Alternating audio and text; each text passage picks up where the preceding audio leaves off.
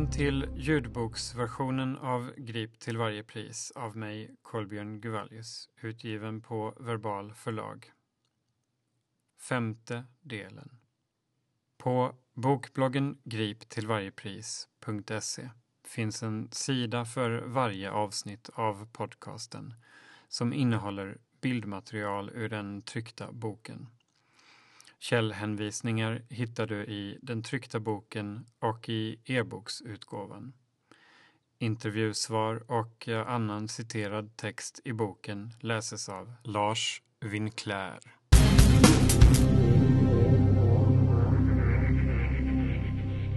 Civil spaning i två timmar. Mars 2009. Oliver, Magnus och ytterligare en kompis har umgåtts med en känd graffitimålare tidigare på kvällen.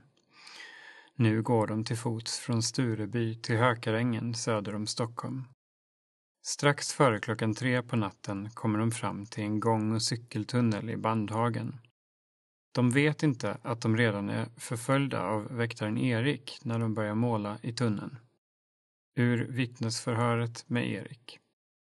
Erik la först märke till gärningsmannen i Högdalens industriområde. Vittnet, som var civilklädd, följde efter gärningsmannen mot Bandhagen där han observerade hur de klottrade i en viadukt. Väktarens och Olivers versioner går isär. Vi var inte i Högdalens industriområde innan vi kom till tunneln. Däremot gick vi där igenom när vi sen skulle från Bandhagen till Hökarängen. Jag tror han har försökt få det låta lite logiskt. Att han har kört bil genom Högdalens industriområde på väg till Högdalen och sett ett par klottrare som han börjat följa efter. Klart är att Erik har observerat killarna innan de har målat och börjat följa efter dem.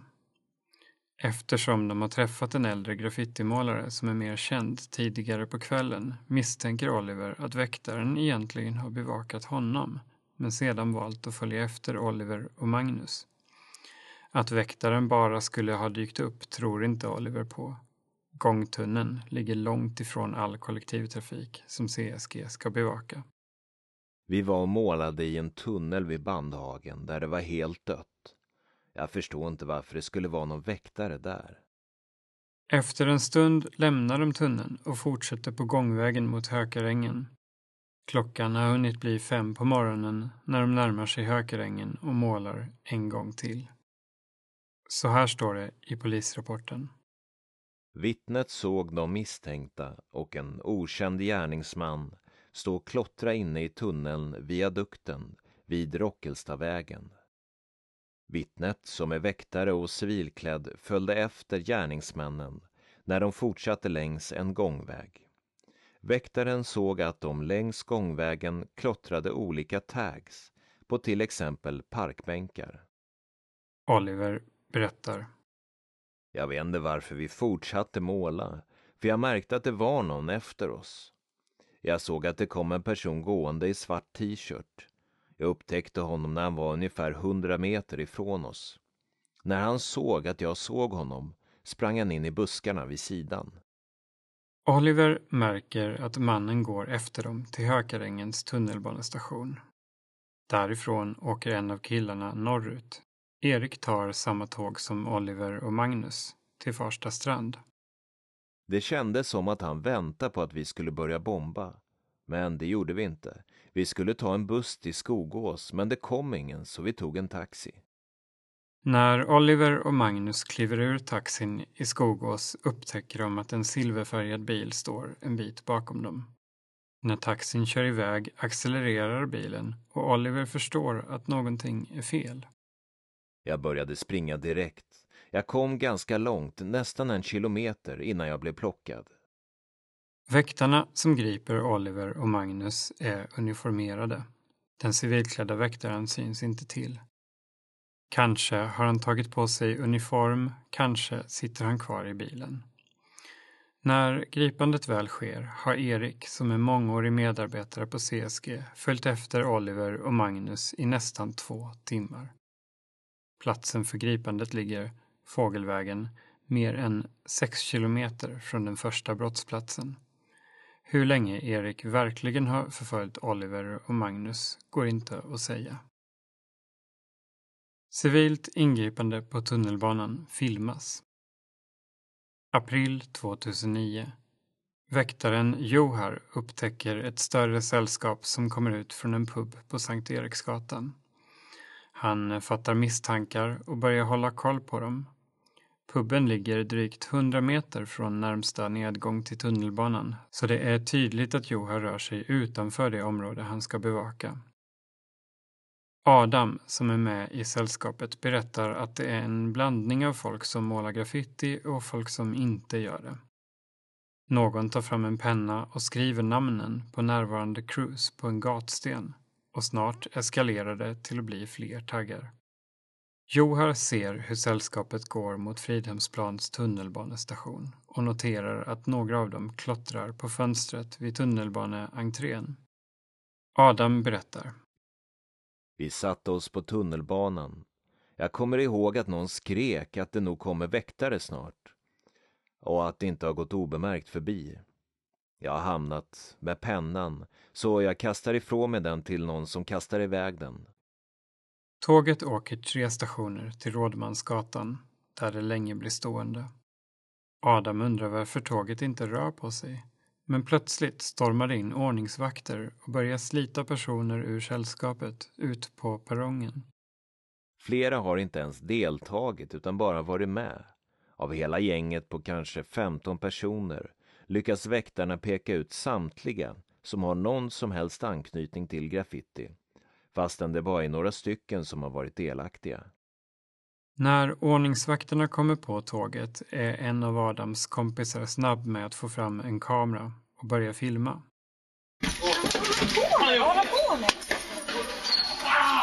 Vad håller de på med? säger en ung kvinna upprört i filmen. I filmen syns hur en av de gripna bärs ut ur tåget av uniformerade ordningsvakter varefter den civilklädde väktaren Johar, vars ansikte tydligt syns i filmen, informerar ordningsvakterna om vad personerna ska gripas för. Han som filmar är medhjälp till klotter och det, så han är också med i gänget. Han som filmar här är medhjälp till klotter och, ohörbart, han också med i gänget. Johar bär eventuellt CSGs diskreta mörka uniformsbyxor men är barhuvad och har en grå täckjacka av märket Emporio Armani. Hans väktarkollega på tåget är också barhuvad och bär en svart duffelrock eller liknande. Kollegans ansikte syns också i filmen men han är inte identifierad och nämns inte heller i polisanmälan. Johar omnämns som civil i båda de två vittnesförhör med honom som finns, genomförda i juni och september. Johar arbetade i april 2009 som civil väktare på tunnelbanan. Vid Fridhemsplans tunnelbanestation uppmärksammade Johar och hans kollega ett större gäng ungdomar som klottrade. I tidigare förhör har Johar uppgett att han sett fem personer klottra på vägen ner till tunnelbanan samt sett två personer fotografera det de fem andra klottrade. De sju personerna hade sedan gått på tåget och Joar hade gått in i samma vagn. Joars kollega hade gått in i en annan vagn. I vagnen hade Joar sett Adam klottra. Joar hade varit 15 till 20 meter ifrån Adam. Joar hade sett att Adam haft en penna i handen och klottrat. Men Joar såg inte vad det var Adam klottrade. Adams berättelse fortsätter. De tog in oss i något slags städskrubb som höll på att byggas om. Där låg en massa plankor med spikar i. Vi fick sitta på huk mot en vägg och blev beordrade att luta oss mot väggen. Jag ville inte, för jag ville inte få mitt huvud dunkat i väggen. Så jag sa att jag sitter bra som jag gör. Enligt Adam tar då en av väktarna, Johar som man minns det, ett anteckningsblock och lägger mot Adams kind. Sedan slår han hårt på blocket upprepade gånger. Det gör ont, men lämnar inga märken. Mina kompisar började skrika att de skulle lägga av. Jag blev nedbrottad på marken och en väktare kom och ställde sig med en känga precis intill mitt ansikte. Jag var helt nedtryckt och kunde inte röra mig och han låtsades måtta en spark. När Adam börjar prata på ett främmande språk blir han ivägburen till ett annat rum där han lämnas. Snart kommer en uniformerad väktare och vill fotografera honom med sin mobilkamera. Adam lutar sig framåt så att det inte ska gå att ta något foto. Jag protesterar och säger att han inte har någon rätt att fotografera, så han ger upp efter en stund. En stund senare kommer ett par andra svarta kängor. Det är åtminstone vad Adam ser, där han sitter framåtlutad för att skydda sig. Personen påstår sig vara polis och vill att Adam ska lyfta upp ansiktet för att bli fotograferad. Adam ifrågasätter och vill se polislegitimation för att titta upp. Då blev han helt jävla tokig. Han pressade upp mig mot rören bakom och dunkade mig två gånger rakt i dem. Sen skrek han så att spottet flög. Du ska inte säga åt mig vad jag ska göra, din lilla jävel. Mannen, som verkligen visar sig vara polis, håller sedan upp Adams ansikte och tar ett foto. Samtidigt ler väktaren som står utanför rummet och tar ett eget foto. Sen tog polisen väktaren i hand när han gick ut. Jag blev förbannad. Personal för extrema förhållanden. CSGs platsannonser för väktare kan variera i utformning och är ofta kortfattade. Men till exempel publiceras i oktober 2010 en platsannons för ett jobb som verkar vara något utöver det vanliga. Men det är tydligt att kunden främst är SL och att det handlar om väktare. Uppdraget består i huvudsak i att motverka skadegörelse för kundens räkning, står det. Sökande ska ha militär erfarenhet och kunna arbeta under extrema förhållanden. Då vi ibland arbetar i extrema miljöer ställs höga krav på din fysiska och psykiska uthållighet. För att klara tjänsten krävs att du är i god fysisk form och att du ser fysisk ansträngning som en självklarhet och inte ett nödvändigt ont. CSG ska kontrollera så att skadegörelse inte sker på SLs fordon, stationer och längs med spåren. Det är svårt att förstå varför det skulle vara meriterande med militär erfarenhet inom egendomsbevakning i urban miljö. På vilket sätt är miljöerna extrema och varför är arbetet fysiskt krävande? Men om de söker spanare som ska orka ligga i skogen i timmar är det en annan sak. Spaning utanför bevakningsuppdraget. Januari 2010. Enligt CSGs interna så kallade griprapport från ett tillfälle bedriver väktare spaning på allmän plats när de upptäcker två personer, varav den ena är Ivan, som de misstänker kan komma och klottra. Därför börjar de följa efter dem. I griprapporten står det i rondell observeras två stycken misstänkta klottrare som färdas på cykel. De misstänkta klottrarna cyklar in på Skagersvägen 44. Patrull 1 parkerar bilen och väktare 1 samt 2 grupperar sig i en närliggande skogsdunge på en höjd varifrån de två stycken misstänkta klottrarna observeras, nu gående. Väktare 3 har observerat från sin position ute vid Skagersvägen hur de misstänkta klottrarna har ställt ifrån sig sina cyklar vid ett näraliggande hus. De misstänkta klottrarna ställer sig sedan vid ett cementfundament där de börjar att klottra, måla.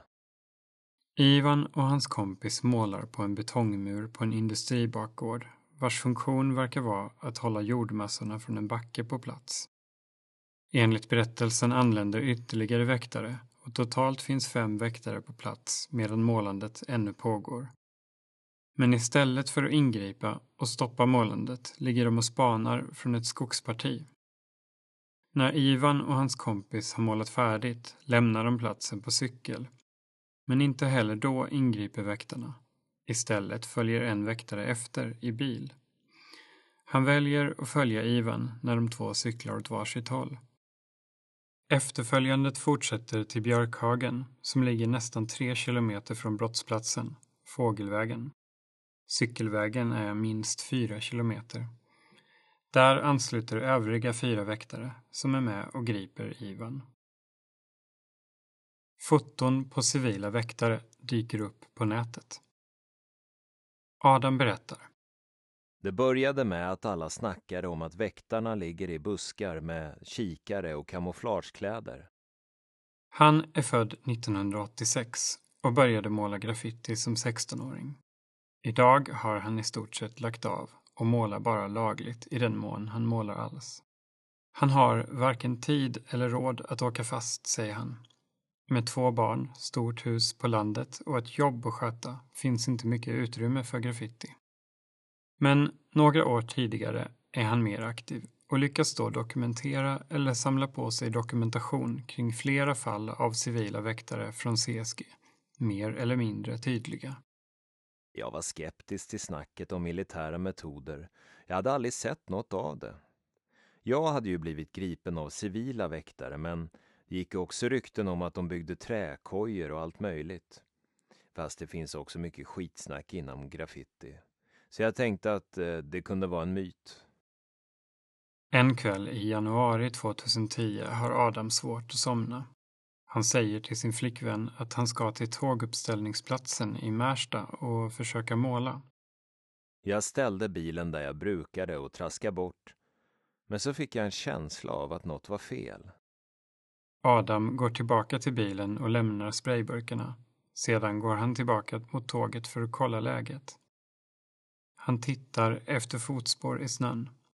Adam plockar fram en cigarett och ska precis tända den när han nästan snubblar över något.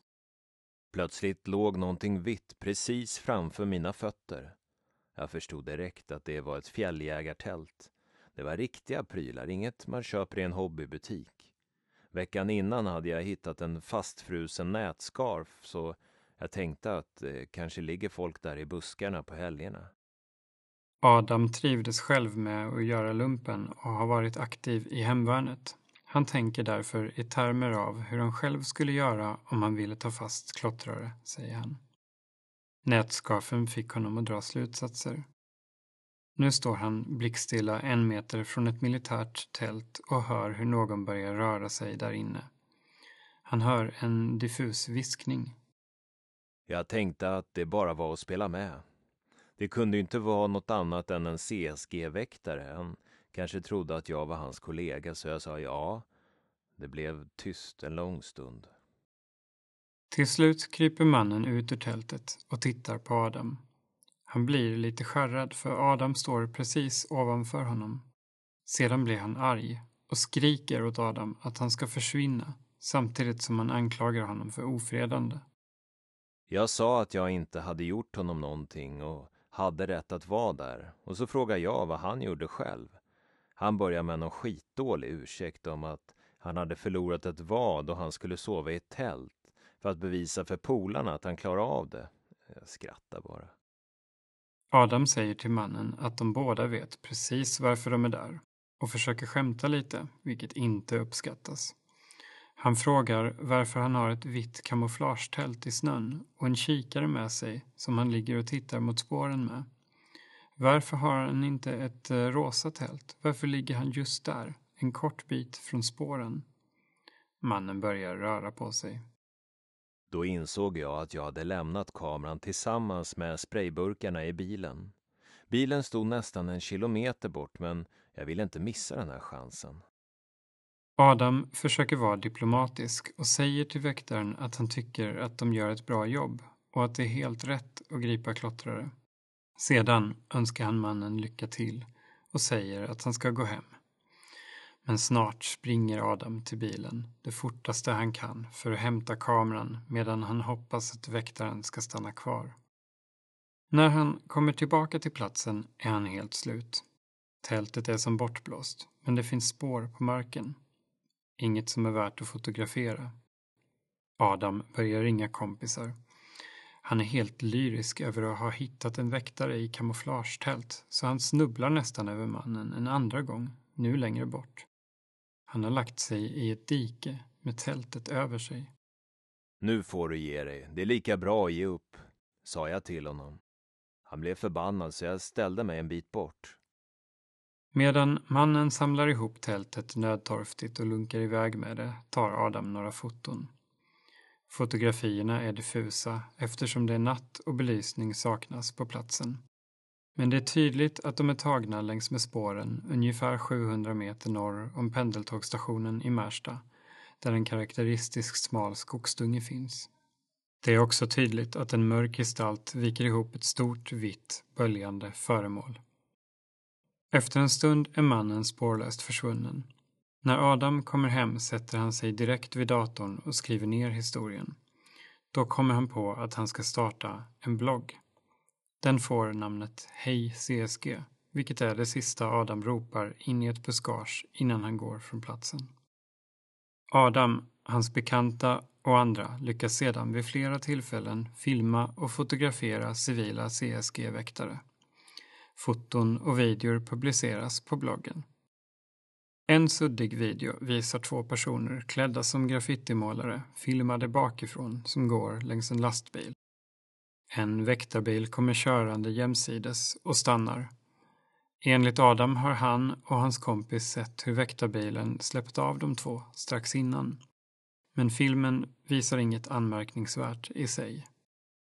En annan video visar hur en civilklädd person kliver ur förardörren på en av CSGs målade firmabilar på en pendlarparkering, kränger på sin ryggsäck och går iväg. Det är därför rimligt att anta att han är i tjänst och ska bevaka pendeltågstationen, eller ett pendeltåg. Adam vill visa på ett systematiskt arbetssätt men inte hänga ut enskilda väktare. Men eh, efter att han har släppt in fler administratörer urartar bloggen genom att andra lägger upp personuppgifter. Jag borde aldrig ha släppt in andra, men det var en enorm press på mig. Folk skickar hela tiden in bilder på CSG, men jag svarar alltid att jag inte ville hänga ut dem. Jag la upp vissa bilder, men folk ville ha in adresser och telefonnummer och jag sa att jag inte håller på med sånt. De är vanliga människor. En kort tid senare stängs bloggen ner av sajten Fotolog där den ligger, troligen efter klagomål. Ännu en civil väktare filmas. April 2010 Rasmus, född 1995, har uppehållit sig på tunnelbaneperrongen vid Mörby centrum en längre tid när det dyker upp en civilklädd man, Oskar, som han börjar filma eftersom han är övertygad om att han är CSG-väktare. Enligt polisrapporten har Rasmus stått och filmat tunnelbanetåg och gjort armrörelser mot dem. En formulering som är återkommande i polisanmälningar om klotter när det inte går att se tydligt om något faktiskt skrivs. Det misstänks senare att han har klottrat i luften för att provocera fram väktare. Vid ett tillfälle i videon säger Rasmus att han har stått på tunnelbanestationen i ungefär en timme innan Oskar dyker upp. Oskar är barhuvad och klädd i CSGs diskreta mörka uniformsbyxor av typen cargo pants som lätt kan tas för vilka vardagsbyxor som helst. Mörka fritidsskor och en röd t-shirt som inte ingår i företagets godkända klädsel.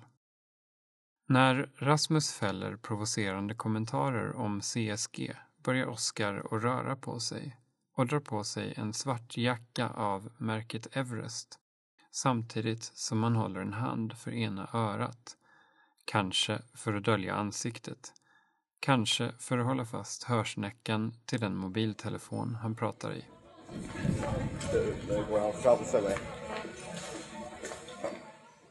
Nu går han framför mig, säger Oskar i mobiltelefonen medan han är på väg ut från tunnelbanestationen, nu med handen rakt framför ansiktet.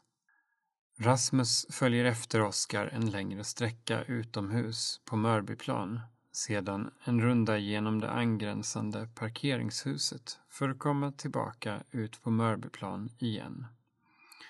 Där tar Rasmus en genväg och börjar filma Oskar framifrån igen.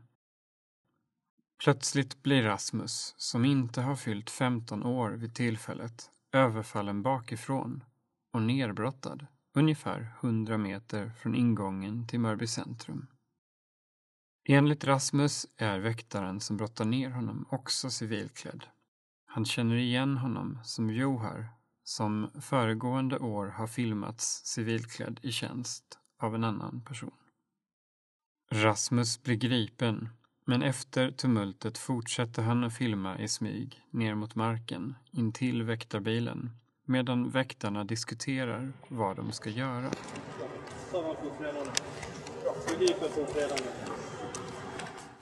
Vi griper för ofredande, säger en av väktarna till slut. Enligt Rasmus har det nu kommit tre CSG-bilar och ungefär fem väktare till platsen och alla ser till att vara uniformerade innan polis dyker upp. Att det verkligen rör sig om en civil CSG-väktare i tjänst bevisas av att Rasmus faktiskt polisanmäls för ofredande. Genom anmälan kan det konstateras att den del av händelseförloppet som finns med på videon stämmer överens med den civilklädde väktarens egen berättelse. Ofredande genom att följa efter målsägaren under cirka tio minuter och under denna tid ständigt filma målsägaren mycket nära. Målsägaren upplevde detta som närgånget, påträngande och stundtal som hotfullt. Händelse Målsägaren som jobbar som väktare åt CSG berättar att han fick ett jobb från Trygghetscentralen om att en person står på perrongen och filmar tåg samt den så kallade uppställningsplatsen för tåg. Personen ska även ha gått fram mot tåg och gjort armrörelser, eventuellt för att provocera fram väktare. När ordningsvakter kommer ner på perrongen frågar Rasmus efter CSG. När väktarna från CSG kommer till perrongen så upptäcker Rasmus till slut dessa och går fram till målsägaren. Rasmus frågar målsägaren om han har tagit någon. Rasmus plockar därefter upp sin kamera och börjar filma målsägaren. Rasmus anmäler senare Oskar och Johar för olaga frihetsberövande, vilket inte leder till något. Någon förundersökning mot Rasmus, som inte är straffmyndig vid tillfället, inleds aldrig. Genom att anmäla Rasmus för ofredande och då beskriva händelseförloppet belägger de förstås videoupptagningens riktighet. Det kan helt enkelt inte vara fråga om annat än en civil CSG-väktare i tjänst i filmen som beordrats till platsen för att hålla koll på Rasmus. Marknadsför dold övervakning CSG har flera gånger medverkat på en återkommande nordisk antiklotter och graffitikonferens som brukar arrangeras av endera nordiska huvudstaden. I april 2011 arrangeras konferensen i Oslo och enligt deltagarlistan medverkar sex personer kopplade till CSG. Dåvarande VD Anders Nyberg, hans blivande efterträdare Göran Petzén, styrelseordföranden Lars Nordstrand, regionchefen och före detta CSG Falk-chefen Josef, David från informationsgruppen och driftchefen Leo. I sin Powerpoint-presentation på konferensen räknar CSG upp vilka tjänster de erbjuder. Först kommer uttrycket Covert Surveillance följt av Patrolling, Stationary som kan översättas till ronderande och stationär bevakning. Security Guards with Dogs, hundbevakning. Information Group och Technical Solutions. Den sista punkten är också namnet på CSGs numera avvecklade bifirma CSG Technical Solutions som jag återkommer till. Om surveillance betyder bevakning så är det svårare med ordet covert. Enligt eh, Norstedts engelska ordbok betyder det förstulen, hemlig, förtäckt, förstucken, maskerad. Det är alltså snarast något slags hemlig bevakning som marknadsförs i presentationen. Att eh, översätta uttryck kan vara knepigt, men begreppet covert surveillance används åtminstone i Storbritannien för att beskriva en viss typ av bevakning. Så här definieras begreppet i brittisk lag. Surveillance is covert if, and only if, it is carried out in a manner that is calculated to ensure that persons who are subject to the surveillance are unaware that it is or may be taking place. Enligt denna definition är en förutsättning för covert surveillance alltså att den är utformad så att den som ska bevakas inte kan misstänka att någon bevakning sker. Det stämmer väl överens med ordboksdefinitionen. Det skulle å ena sidan kunna innebära att CSG avser väktare som ligger på span i ett buskage, något som är vanligt förekommande. Om det å andra sidan skulle röra sig om hemlig kameraövervakning så är det inte tillåtet i Sverige. Hemlig kameraövervakning definieras i lagen som optiska övervakningsinstrument som används utan att upplysning om övervakningen lämnas. Alltså ungefär samma definition som för covert surveillance i brittisk lag. Sådan är endast tillåten i förundersökningar under vissa omständigheter. Det är omgärdat av restriktioner och måste beslutas av åklagare i varje enskilt fall. I presentationen illustreras punkten med en väktare i keps som försiktigt kikar fram bakom en mur, vilket kan tolkas som att han bedriver hemlig spaning snarare än egendomsbevakning. De två följande bilderna i presentationen har samma text men fotona visar ett gripande av vad som kan vara en misstänkt klottrare respektive en hundförare vid järnvägsspår. Återförsäljare av avancerad spaningsutrustning.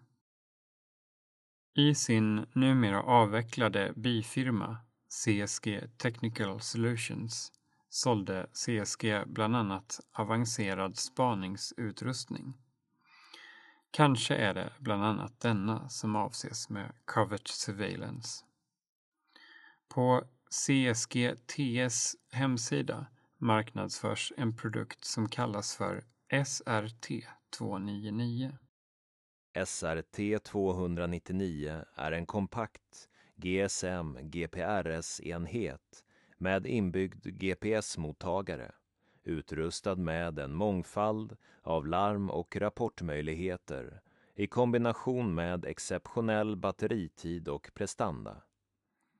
SRT 299 utrustad med bland annat alarmknapp, mikrofon och högtalare, DTMF-mottagare, rörelsedetektor, IR, vibrationssensor, vibrator, temperatursensor, batteri samt antenner för GSM och GPS. I samband med artiklarna i Svenska Dagbladet vittnade före detta anställda på CSG om att sådana eller snarlika produkter används i bevakningen.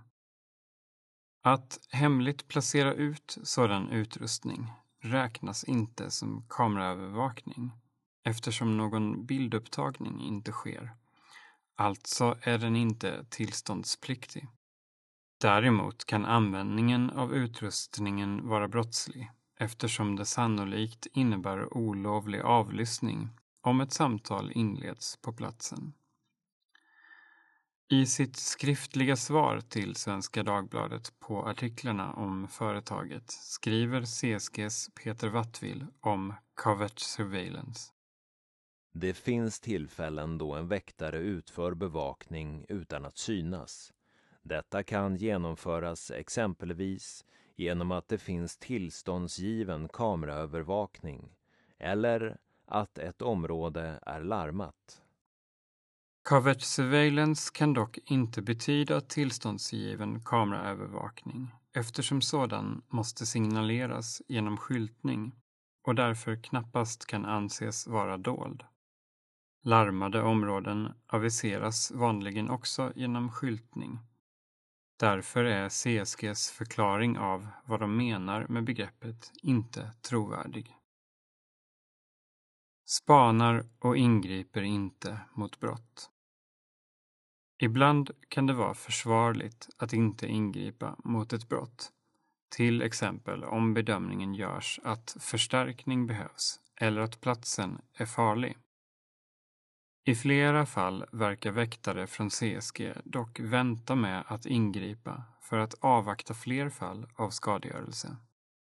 Det ses av Rikspolisstyrelsen som polisiärt utredningsarbete när brott bevittnas i syfte att skaffa fram mer bevis, alltså något som väktare inte får utföra.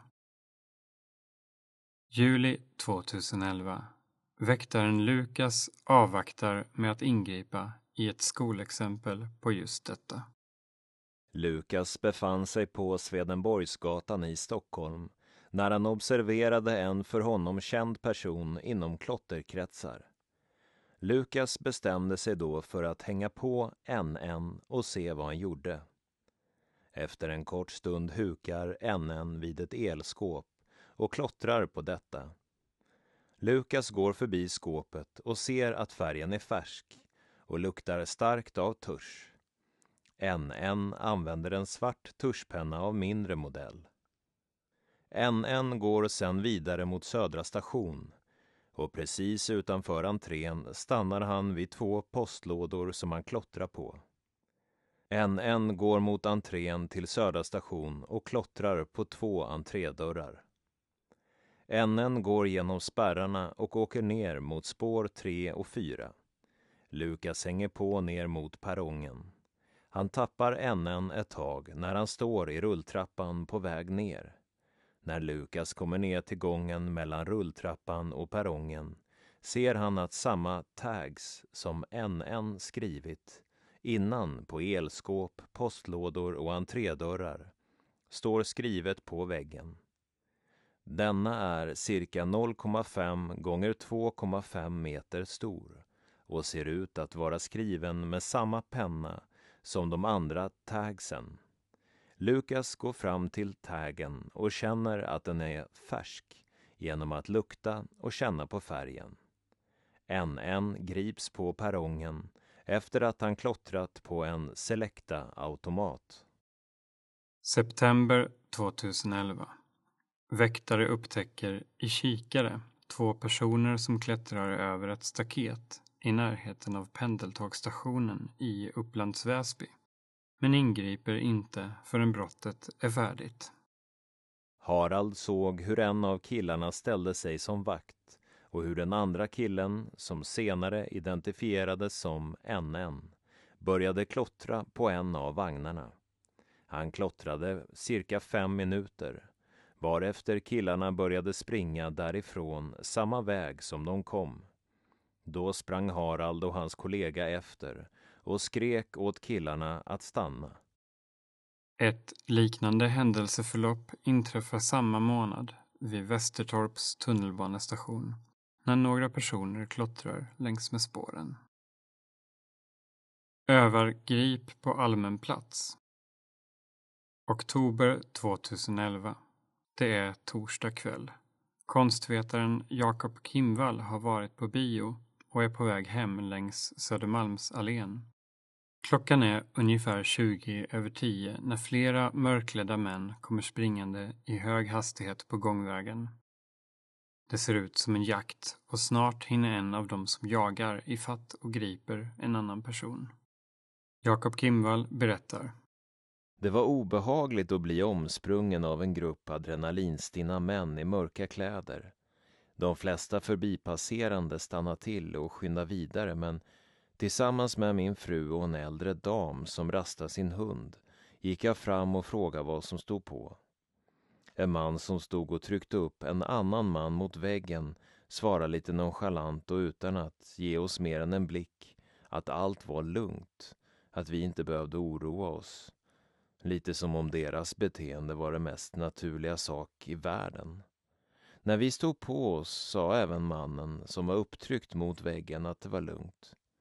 Den första vände sig om och pekade på ett diskret märke där det stod väktare och han förklarade kortfattat att de var väktare som övade grip. Alla inblandade är egentligen väktare, även den civilklädda person som grips. Väktaren som griper är barhuvad och bär CSGs tröja som förutom byxorna är deras mest diskreta plagg. Jakob tar ett foto på scenen med sin mobiltelefon. Eftersom Jakob Kimvall själv har en bakgrund inom graffiti och idag är forskare med graffiti som ämnesområde har han hört många rykten om CSG och deras metoder. Som författare har han bland annat skrivit boken Nolltolerans som handlar om hur Stockholms rigorösa policy mot gatukonst och graffiti har vuxit fram. Han ifrågasätter lämpligheten och vitsen med att öva grip under spektakulära former på allmän plats. När vi inte gick därifrån utan ifrågasatte det rimliga i att springa och jaga varann i det offentliga rummet så släppte mannen med väktartröjan sin civilklädda kompis. De tittade på oss helt kort, liksom irriterat, innan de sprang bort åt samma håll de kom från. Sammantaget kändes det som att de tyckte att vi var besvärande och att vi la oss i något som vi inte hade med att göra. Olåst dörr och väktare på span. Istället för att försöka avstyra brott genom att hålla sig synliga eller låsa dörrar hoppas CSG att brotten ska inträffa. När de väl har påbörjats hoppas CSG att de ska bli omfattande. Ju större skadorna är, desto bättre. Det är tydligt att CSG vid flera tillfällen har möjlighet att avstyra brott innan de sker. Det kan handla om att vara synliga och förebygga genom sin närvaro eller om att ingripa när någon befinner sig obehörigt på en plats. Men det kan också handla om att låsa dörrar som står på glänt. Oktober 2011 Några av Olivers kompisar hoppar ner på spåren vid Mörby centrum som är slutstation för tunnelbanans röda linje norrut. De tar sig in i den underjordiska depån. Där kollar de runt för att se hur tågen står och går sedan ut via en nödutgång. De kommer ut på en asfaltplan mellan ett villaområde och motorvägen där det ligger en återvinningsstation. Någon lägger en liten sten i dörröppningen till nödutgången så att dörren inte ska gå i lås. Senare samma kväll kommer de tillbaka tillsammans med Oliver. Men det pågår spårarbeten och de går därifrån. De vet fortfarande inte att väktaren Lukas är dem på spåren. Ur vittnesförhöret med väktaren Lukas. Lukas arbetar som klotterspanare på CSG. Igår hade man observerat att några hade ställt upp dörren till nödutgången från depån vid Mörby T-station. Man misstänkte därför att något skulle hända i depån under natten. Natten mellan onsdag och torsdag vid tretiden återvände Oliver och hans kompisar. Dörren är fortfarande öppen. Stenen ligger kvar. De misstänker ingenting utan utgår från att nödutgången inte har kontrollerats. Oliver berättar. Då gick vi ner och målade. Nere på spårområdet är det allt annat än tyst. Olika ljud hörs bortifrån tunneln, men ingenting verkar onormalt. Vid ett tillfälle tycker någon sig höra ett avvikande ljud, men det är svårt att urskilja vad som är vad. De börjar måla på ett av tunnelbanetågen. Ur polisrapporten. Klockan 03.15 såg man i kamerorna som övervakar ingången att det gick in sex stycken personer genom dörren. De gick ner till tåget som stod uppställt där nere. Nere vid tåget låg Lukas med kikare och spanade när de sex kom ner. Han var cirka 90 meter från tågsättet. När de har målat klart samlar de ihop sina grejer och går upp för nödutgångstrapporna. Plötsligt smälls dörren upp. Utanför står sex väktare. När de vänder sig om kommer lika många bakifrån. I polisrapporten står det. Lukas talade om för sina kollegor när personerna lämnade platsen och uppe vid utgångsdörren greps alla sex. Väktarna har hundar med sig och säger till dem att lägga sig ner, vilket de gör. Oliver berättar. Det var folk som jag aldrig hade träffat som tilltalade mig med förnamn. De tyckte det var roligt. Det var glada miner liksom. Väktarna vill ta foton på de gripna innan polisen kommer. Oliver försöker skyla ansiktet så gott det går. De tog foton, men då satt man så här, säger Oliver och visar med armarna över huvudet.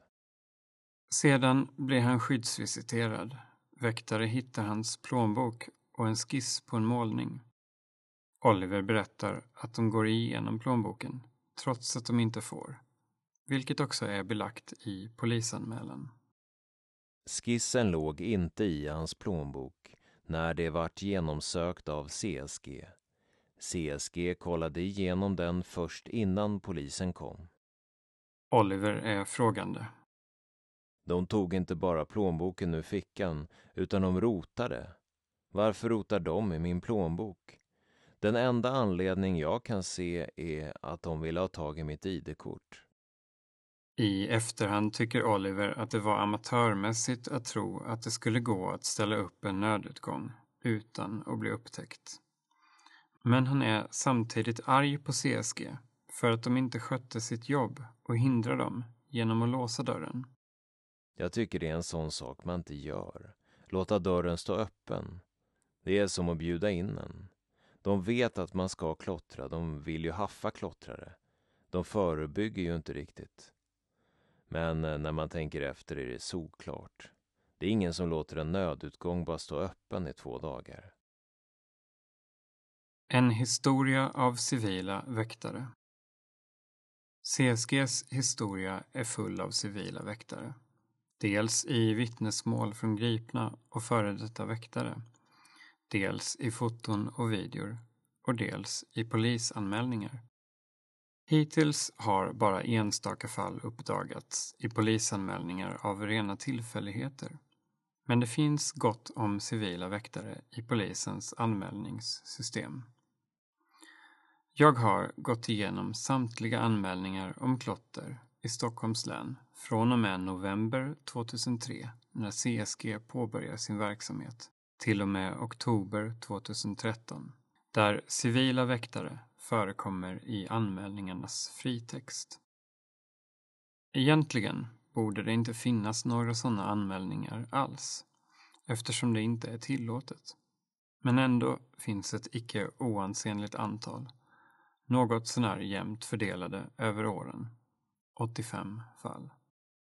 Granskningen har varit genomförbar tack vare möjligheten att söka på formuleringar i polisanmälningarnas fritext. De angivna fraserna har varit kvalificerade gissningar utifrån vilka formuleringar som bör förekomma. Som till exempel civil väktare, civilklädd väktare, väktare och civilklädd och så vidare. Samt bestämd form och pluralformer. Sökresultaten har sedan gallrats manuellt så att eventuella butikskontrollanter och väktare som arbetar med personskydd inte ska komma med. Och för att säkerställa att det inte är något på annat sätt irrelevant som avses. Genomgången visar att det är fler än CSG som arbetar civilt mot klotter, även om de står för den största andelen. Väktare från i stort sett samtliga svenska bevakningsföretag har sannolikt utfört ouniformerad bevakning i strid med reglerna för bevakningsföretag. CSG har idag kontrakt på all klotterbevakning inom SLs område, vilket kan förklara en del av deras stora andel som uppgår minst till cirka hälften av fallen. Den vanligast förekommande formuleringen är visserligen civil, men någon egentlig skillnad mellan civil och civilklädd är inte rimlig, vilket även Lars Sjöberg på Rikspolisstyrelsen hävdar. Den som är civil är helt enkelt inte uniformerad. Ibland används orden om varandra i samma anmälan, som i den här från februari 2010. Med anledning av att civilklädd väktare gripit en misstänkt klottrare. Civil väktare NN berättar att han stod i tunnelbanan när han såg en kille kliva på tunnelbanan vid Västertorp. Troligen finns ett stort mörkertal när det gäller anmälningarna där civila väktare har medverkat. Dels har jag bara granskat polisanmälningar i Stockholms län och bara sådana som gäller klotterbrott. Väktare ingriper också mot andra brott där fängelse finns i straffskalan, som inbrott, narkotikabrott och mot ficktjuvar. Dels går det inte att hitta samtliga fall på den sökning jag har gjort. Om det hade varit möjligt att göra en datoriserad sökning även i vittnesförhör med väktare, det vill säga utanför det som kallas för fritext, hade ännu fler fall kunnat upptäckas. Vittnesförhören innehåller ofta mer information än den summerande fritexten och återger många av omständigheterna kring ett gripande. Fyra av de granskade fallen har inte gått att söka fram utan dessa har jag funnit i anmälningar jag har tagit del av vid andra tillfällen. Dessutom kan ytterligare relevanta anmälningar finnas där andra formuleringar med samma innebörd förekommer, såsom ouniformerad väktare.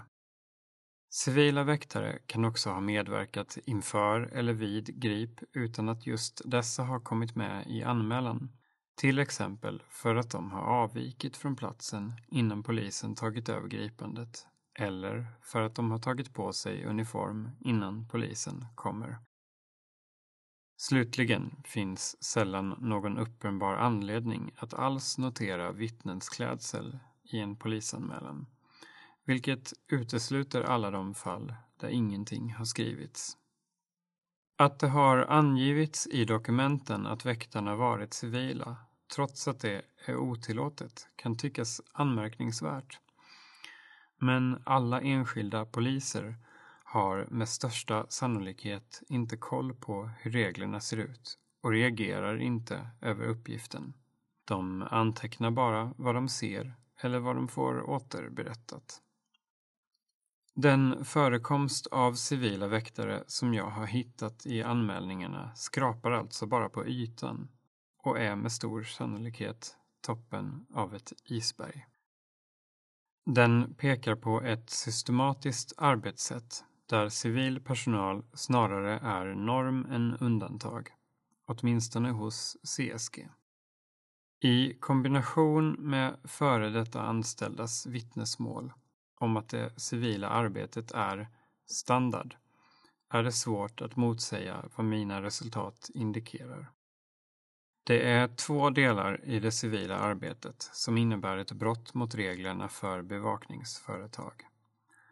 Dels att det är ett brott mot uniformskravet.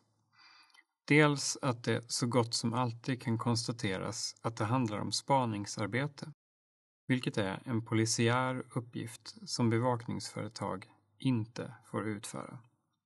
I sex av de granskade fallen finns en godtagbar bortförklaring till att ett ingripande har skett civilt. Det handlar då alltid om att väktaren varit på väg till eller från arbetet och alltså har gripit klottrare på fritiden. I ett av fallen hävdar en CSG-väktare att han varit ledig och på väg hem till en kompis. Det behöver inte vara sant, men det går inte heller att bevisa att det är en lögn. Av dessa totalt sex fall gäller fyra CSG, ett Svensk bevakningstjänst och i ett fall framgår det inte vilket bolag väktaren är anställd av. I fyra andra fall hävdar väktarna från CSG, Svensk bevakningstjänst och Nordisk bevakningstjänst i uppföljande förhör att de inte har arbetat civilt utan att det har blivit fel i anmälan. De uppföljande förhören är utförda av andra poliser än de som varit med på plats. I ytterligare ett fall är det endast i förhör med den gripne som det framgår att väktarna är civila. Det går därför inte att vara säker på att uppgiften är korrekt. Men den ifrågasätts inte heller i något annat dokument. Sammanlagt innebär det att det under de granskade åren finns 74 fall av civilt arbetande väktare, eller i genomsnitt 7-8 om året, som inte kan bortförklaras.